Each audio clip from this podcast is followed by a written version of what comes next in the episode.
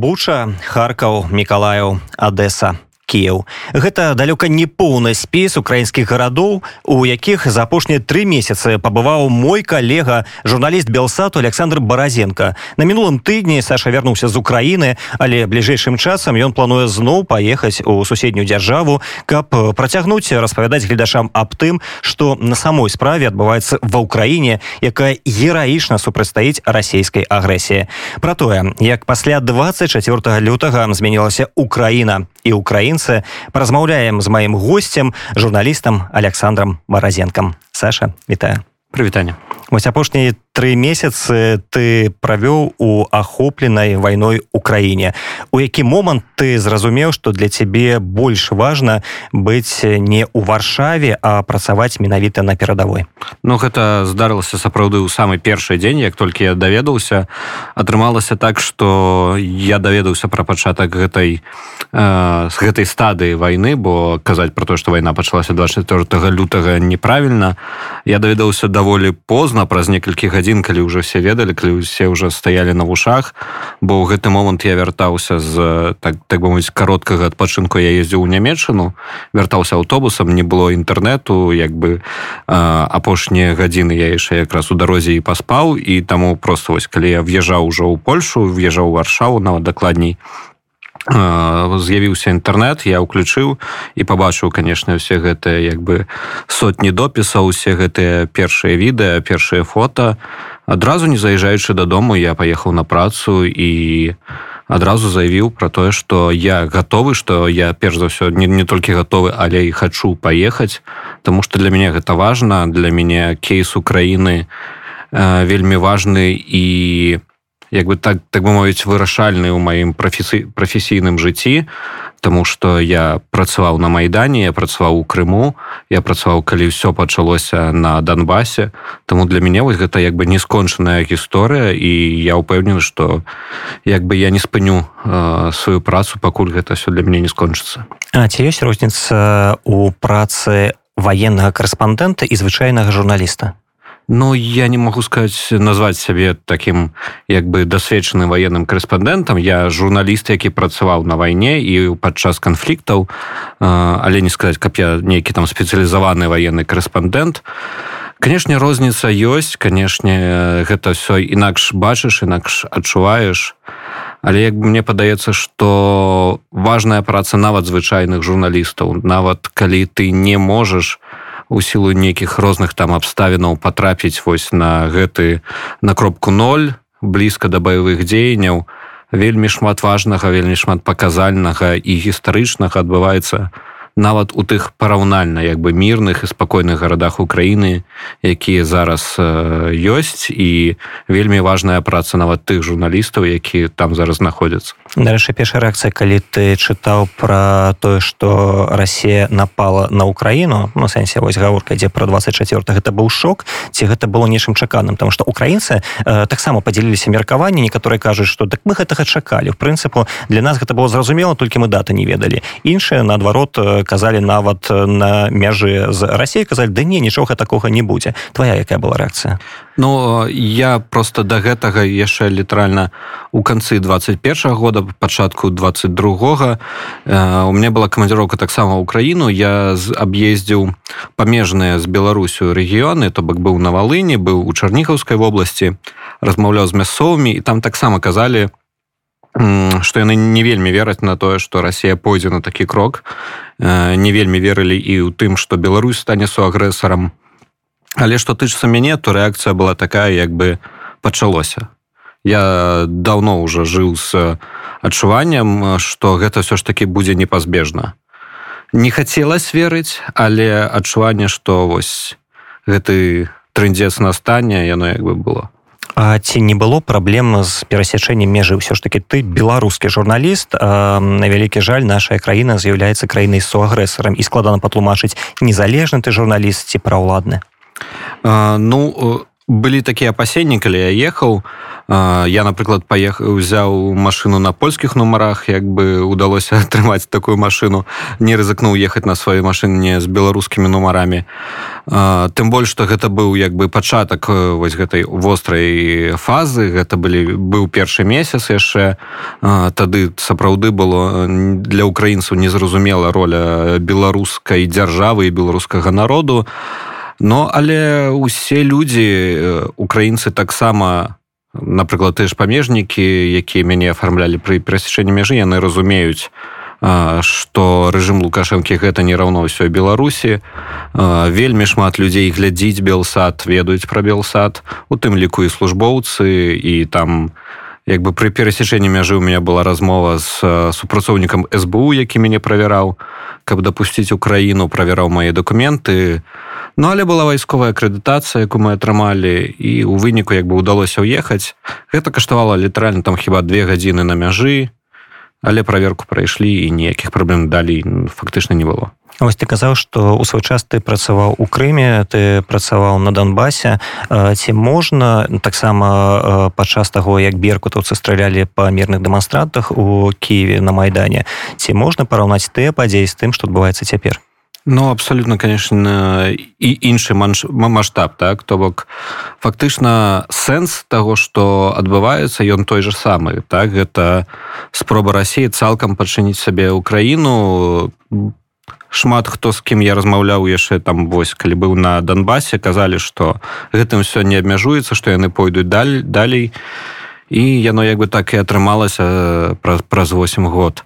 Але не нейкая вось гэта ведаеш такая хаатычнасць можа вялікай вайны бо калі яно лакальна адбываецца на донбасе то табе больш-менш зразумела што вось гэтая вёска под контролем украінцаў гэта под расейцамі і сепаратыстамі. Вось ёсць умоўная лінія фронту але калі можа прыляцець у любы фактычна будынак у кіеве у любы горад украіны то не ведаю там у вёску на валыні просто таму что не ведаю там нейкі русский иван свой калібр неправильно настроил і это просто долбанет по звычайных людзях якія вось выйшлі паглядзець на сваю гаспадарку так?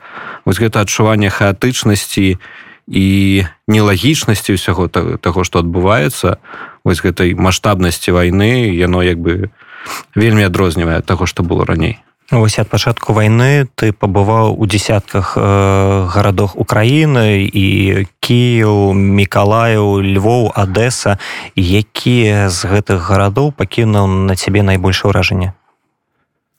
Ну цяжка сказаць, бо гісторыя як бы кожнага горада яна такая унікальная так? Бо ты в'язджаеш во Львов і ты бачыш гэта неверагоднае яднанне так? Што гэта горад, які стаў, валанторскім цэнтрам. Гэта горад які стаў вось такой кропкай якая потым як як кроў па венах перадае вось гэту нейкую сілу нейкую дапамогу тым гардам якія бліжэй да мяжы з рассеі якія под большим ударам.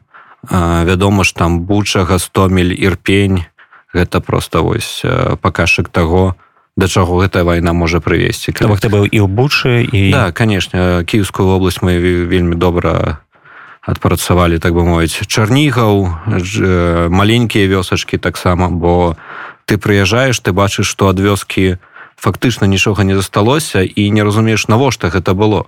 Як бы гэта не вайсковыя аб'екты. Вы тут не сутыкаецеся адзін на адзін з вялікай там украінскай арміяй. Вы просто прыходзіце і знішаеце вёску. Для чаго? Незразумела.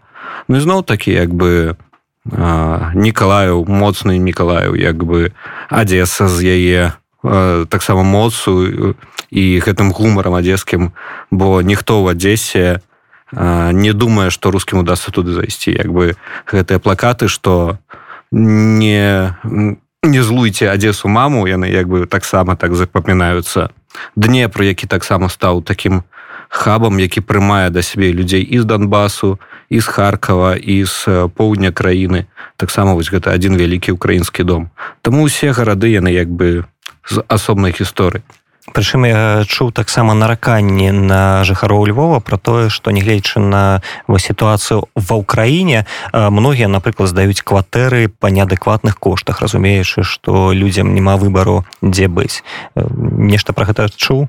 А, так безумоўна про гэта чуў але наколькі я ведаю гэта сітуацыя даволі хутка як бы не разрулілася бо нават мэр Львова пагражаў тым што такія кватэры будуць ізымацца у прынцыпе ну вядома ж як бы там як кажуць сям'я не без урода да і каму вайна каму маць родна. Так былі такія выпадкі але мне падаецца гэта не насіла нейкага сістэмнага такого характару не ва Львове не ў іншых як бы гарадах які прымалі да сябе перамешаных людзей бо ніхто в Україніне іх не, не называе уцекачамі гэта людзі якія часткова пераехалі з аднаго пункту ў краіне у іншы пункт украіны. Яны не бягуць са сваёй краіны яны застаюцца на месцы дома. Таксама ведаю что ты разам з калегам денисом дудзенскім под харкавам потрапілі под абстрэл. Мож больш падрабязна распавесці про гэтую гісторыю? Ну гэта был быў адзін з працоўных дзён пачынаўся ён даволі так так бы мовіць лайтова тому что у нас была запланаваная здымка сюжэта про эвакуацыю дельфінаў з харкаўскага дельфінария і мы думали что зробім у гэты дзень даволі лайтовы сюжэт. Ну, так бо таксама трэба паказваць і нейкія такія так бы мовіць жыццясцвярджальныя рэчы якія даюць надзею але апынулася что ну нам з раніцы ніхто не адказваў на тэлефонныя званкі. І калі мы приехали да дельфінары апынулася что іх ужо вывезлі. І каб не заставацца без працы мы вырашылі патэлефанаваць просто в службу хуткай дапамогі і спытацца можа ёсць як бы нейкія здарэнні на які мы можемм паехаць разам з групай медыкаў і паказаць працу медыкаў вось у такіх цяжкіх пры фронтавых абставінах. Просто трэба зазначыць что даволі цяжка атрымаць замежным журналістам нейкі доступ так? То бок в госпіталі да медыкаў да дснс.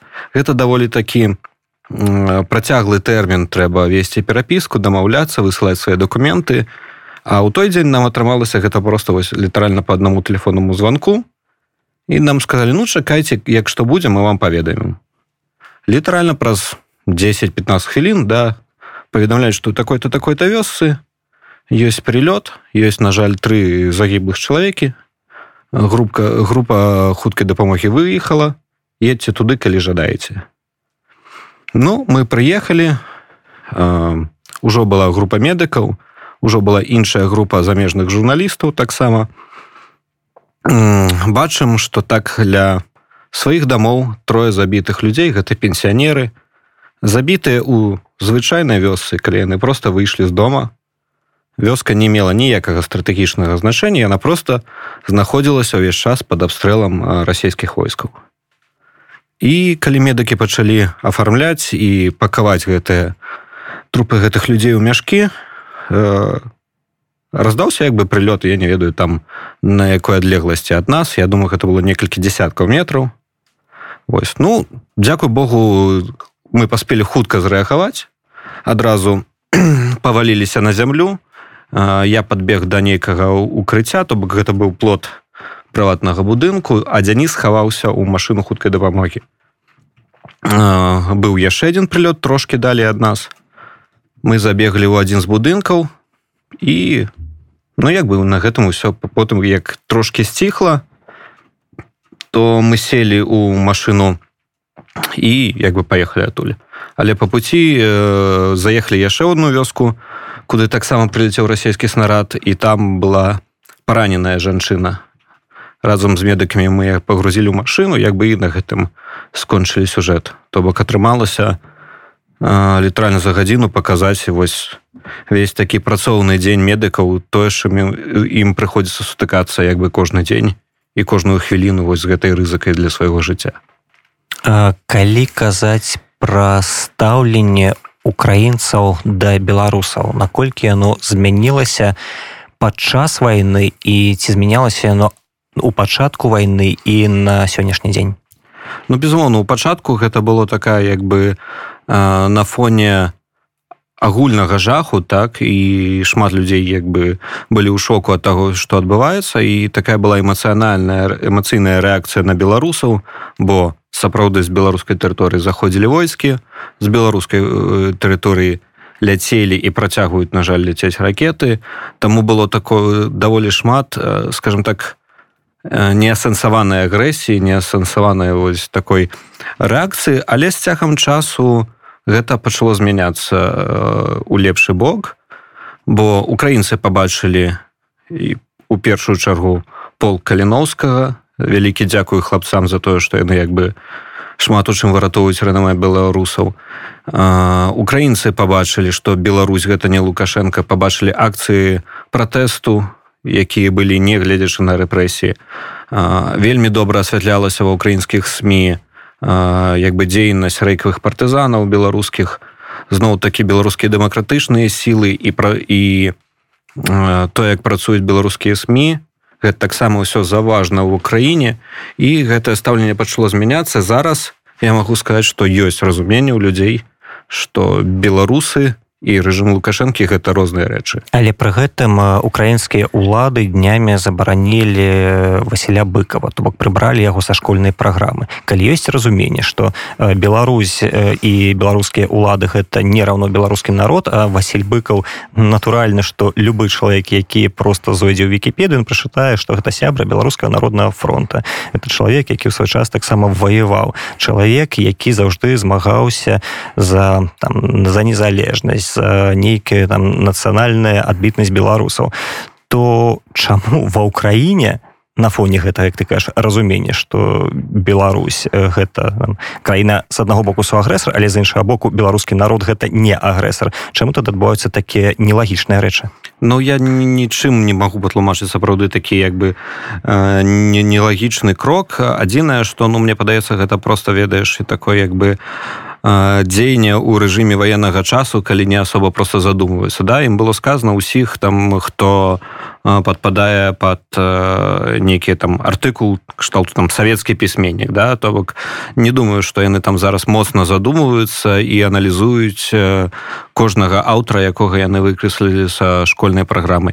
Я вельмі на гэта спадзяюся і спадзяюся што як бы дай бог трохі сітуацыя супакоіцца ну нават не трохі а калі скончыцца вайна то як бы гэта будзе вельмі хутка выпраўлены гэты крок а можа і раней бо все ж таки зараз вялікі розгалас і людзі у як бы кіруючых органах Украіны таксама э, даволі э, цікавяцца скажем так э, народным меркаваннем і мне падаецца што дзякуючы розгаласу гэта даволі хутка будзе выпраўлена все ж таки таксама ты казаў пра тое што хлопцы з палка кляновскага яны так добра уплываюць на тое каб беларусаў на беларусаў рэагавалі як на скажем так пазітыўную нацыю на саюзнікаў ты размаўляў з імі ты рабіў інтэрв'ю што гэта за людзі гэта не ведаю гэта рамантыкі гэта прагматыкі гэта агалцелы беларускія нацыяналісты што гэта за асобы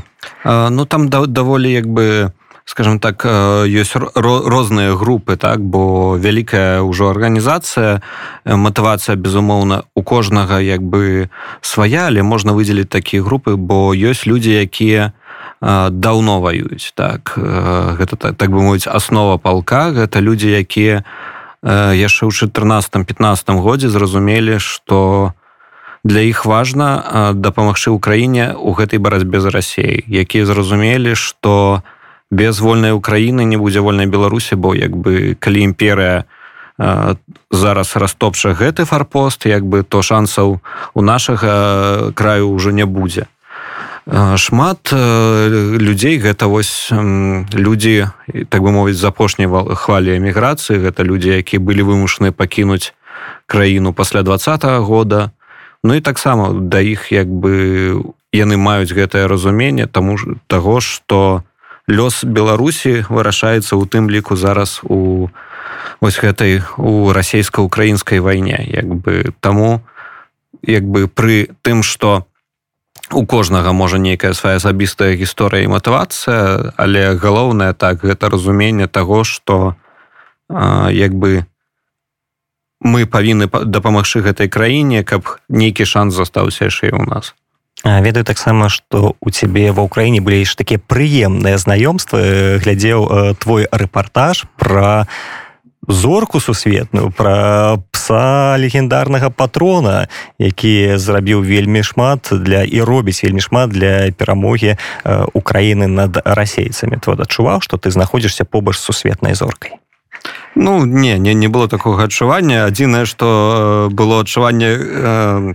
таго што гэта сусветная зорка ў працэсе дамова у нас здымкі тому что як бы э, ідэя паздымаць патрона у нас была там ледзь не ад прыезда а ўдалося гэта толькі там ужо по сканчэнні двух месяцаў нашага знаходжання ва ўкраіне. Патрон сапраўды вельмі заняты. Гэта не просто нейкая там нейкі пёсік якога показваюць для сМ гэта сапраўды э, сапраўдны як бы баец дСнс які дапамагае пры размінаванні грае вельмі важную роль. І таму вельмі цяжка яго вось вылавіць на нейкія такія здымкі.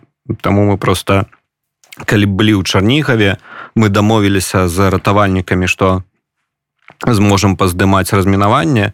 І калі шчыра мы не ведалі што там будзе патрон мы вельмі прасілі але нам не давалі гаранты.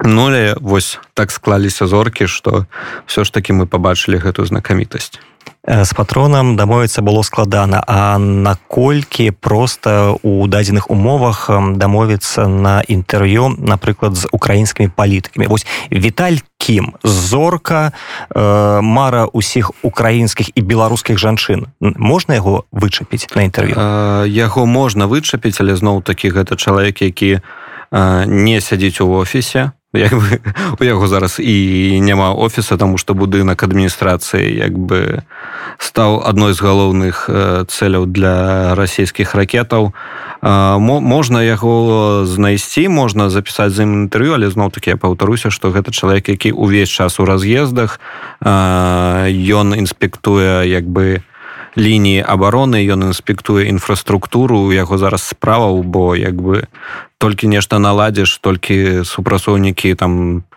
жытлё жылой как гэтай камунальнай гаспадаркі нешта наладзяць у горадзе але зноў прылёт і зноў палова горада сядзіць без вады Таму як бы ему не да доўгіх размоваў з прэсаю калі атрымліваецца злавіць вось таких палітыкаў ці віпаў украінскіх то гэта часцей за ўсё вось так на хаду на хаду ўсё якія настроі цяпер пануюць сярод украінцаў. То бок людзі э, рыхтуюцца да хуткай перамогі ці наадварот да такой доўгатрывалай вайны.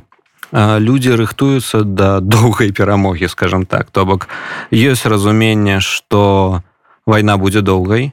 Ёсць разуменне что э, як бы не здарыцца нейкага прасвятлення там у крамлі і яны просто не, гэта все не спыняць что у вайне прыйдзецца перамагаць что той той бог яе не спыне. Але вось разуменне что перамога будзе за імі як бы гэта тое чаму варта павучыцца ва украінцаў по-мойму гэты аптымізм пры тым что як бы праблемаў сапраўды шмат так? Сапраўды праблемы з а, як бы са зброяй сапраўды праблема ў тым што банальна расейцаў болей у іх болей зброі. Ну але вось гэты дух гэта гэтая еднасць украінцаў як бы тому что вся вся краіна ператварылася як бы у один валанцёрскі цэнтр. То бок там ёсць армія а ўсе астатнія гэта просто валанцёры. Прынамсі вось такое адчуванне Ну вось э, ты кажаш э, наконт э, таго што не хапае зброя А як украінцы рэагуюць на тое што захад даволі марудна дапамагае украіне? Ну э, скажем так яны у гэтым плане аптымісты і тыя вайскоўцы за якімі даводзілася размаўляць яны не наракаюць на тое што зброя заходняя прыходзіць э, даволі павольна. Яны кажуць пра тое што вось калі яна прыйдзе Вось тады мы пакажам як бы як то кажуць кузькіну маць. Вось яны ў гэтым плане я кажу захоўваюць аптымізм яны разумеюць што зараз яны вось трываюць яны утрымліваюць свае рубяжы але як бы у думках яны плануюць адваёваць сваю краіну Ну і таксама апошнім часам украінцы даволі масава вяртаюцца да сябе на радзіму. Прычым владимир зеленскі кажа ребята пачакайце пакуль яшчэ не час але мне падаецца украінцы гэта не асабліва слухаюць. Вы з чым ты гэта звязваеш? Няўжо людзі не могуць перачакаць у больш бяспечных краінах але ўсё роўна рызыкуючы прычым не толькі ўласным жыццём а жыццём сваіх сваякоў дзяцей все роўна вяртаюцца дадому Ну тут мне цяжка патлумачыць тому что зноў такі хіба у кожнага свая у гэтым логіка. Нехта вяртаецца просто ведаеш з таких як бы романтычных пачуццяў что вось гэта мой дом там гэта мой агародзік гэта яшчэ нешта. Нехта я цалкам магу зразумець что можа некомфортна сабе пачувае як бы далёка ад радзімы далёк ну э, такая колькасць людзей выехала далёка не ўсіх был э, досвед эміграцыі не ўсе гэта могуць вытрымаць і як бы як толькі банальна над тваей там я не знаю буча і ірпенью перасталі лётаць ракеты адразу рвешся туды.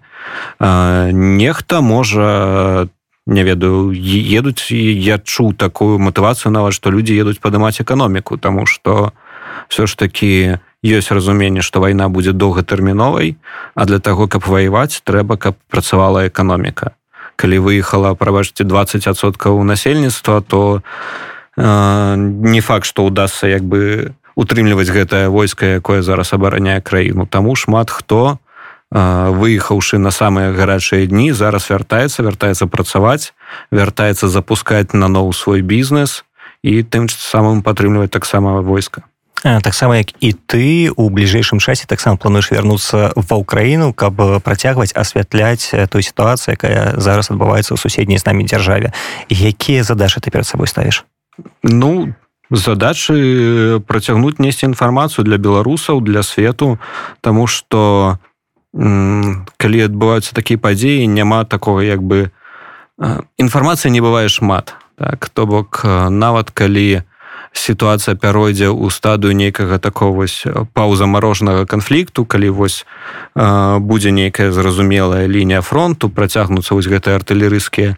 перастрэлкі ўсё роўна гэта не адмяняе людскія трагедыі гэта не адмяняе таго як мяняецца народ мяняецца краіна. Гэта таксама трэба паказваць. Гэта таксама вельмі важна э, ведаць і беларусам і як бы вось тут еўрапейцам. Таму да расейцаў магчыма дагрукацца? Спадзяюся спадзяюся што магчыма да як бы задача дагрукацца да тых расейцаў да якіх дагрукацца магчыма як бы. Калі гэта 100 тысячаў калі гэта мільён ну окей хай гэта будзе адзін са 140 мільёнаў але як бы прынамсі можа нечыя як бы душы розумы мы выратуем гэтым каб прайсці шлях у мільён кіламетраў трэба зрабіць першы крок. Ну так. Александр дзякуй табе вялікі за гэтую размову. Нагадаю што гостцям радыё унет быў журналіст белсату александра бразенко які апошнія тры месяцы працаваў ува ўкраіне у якасці ваеннага корэспандэнта і журналіста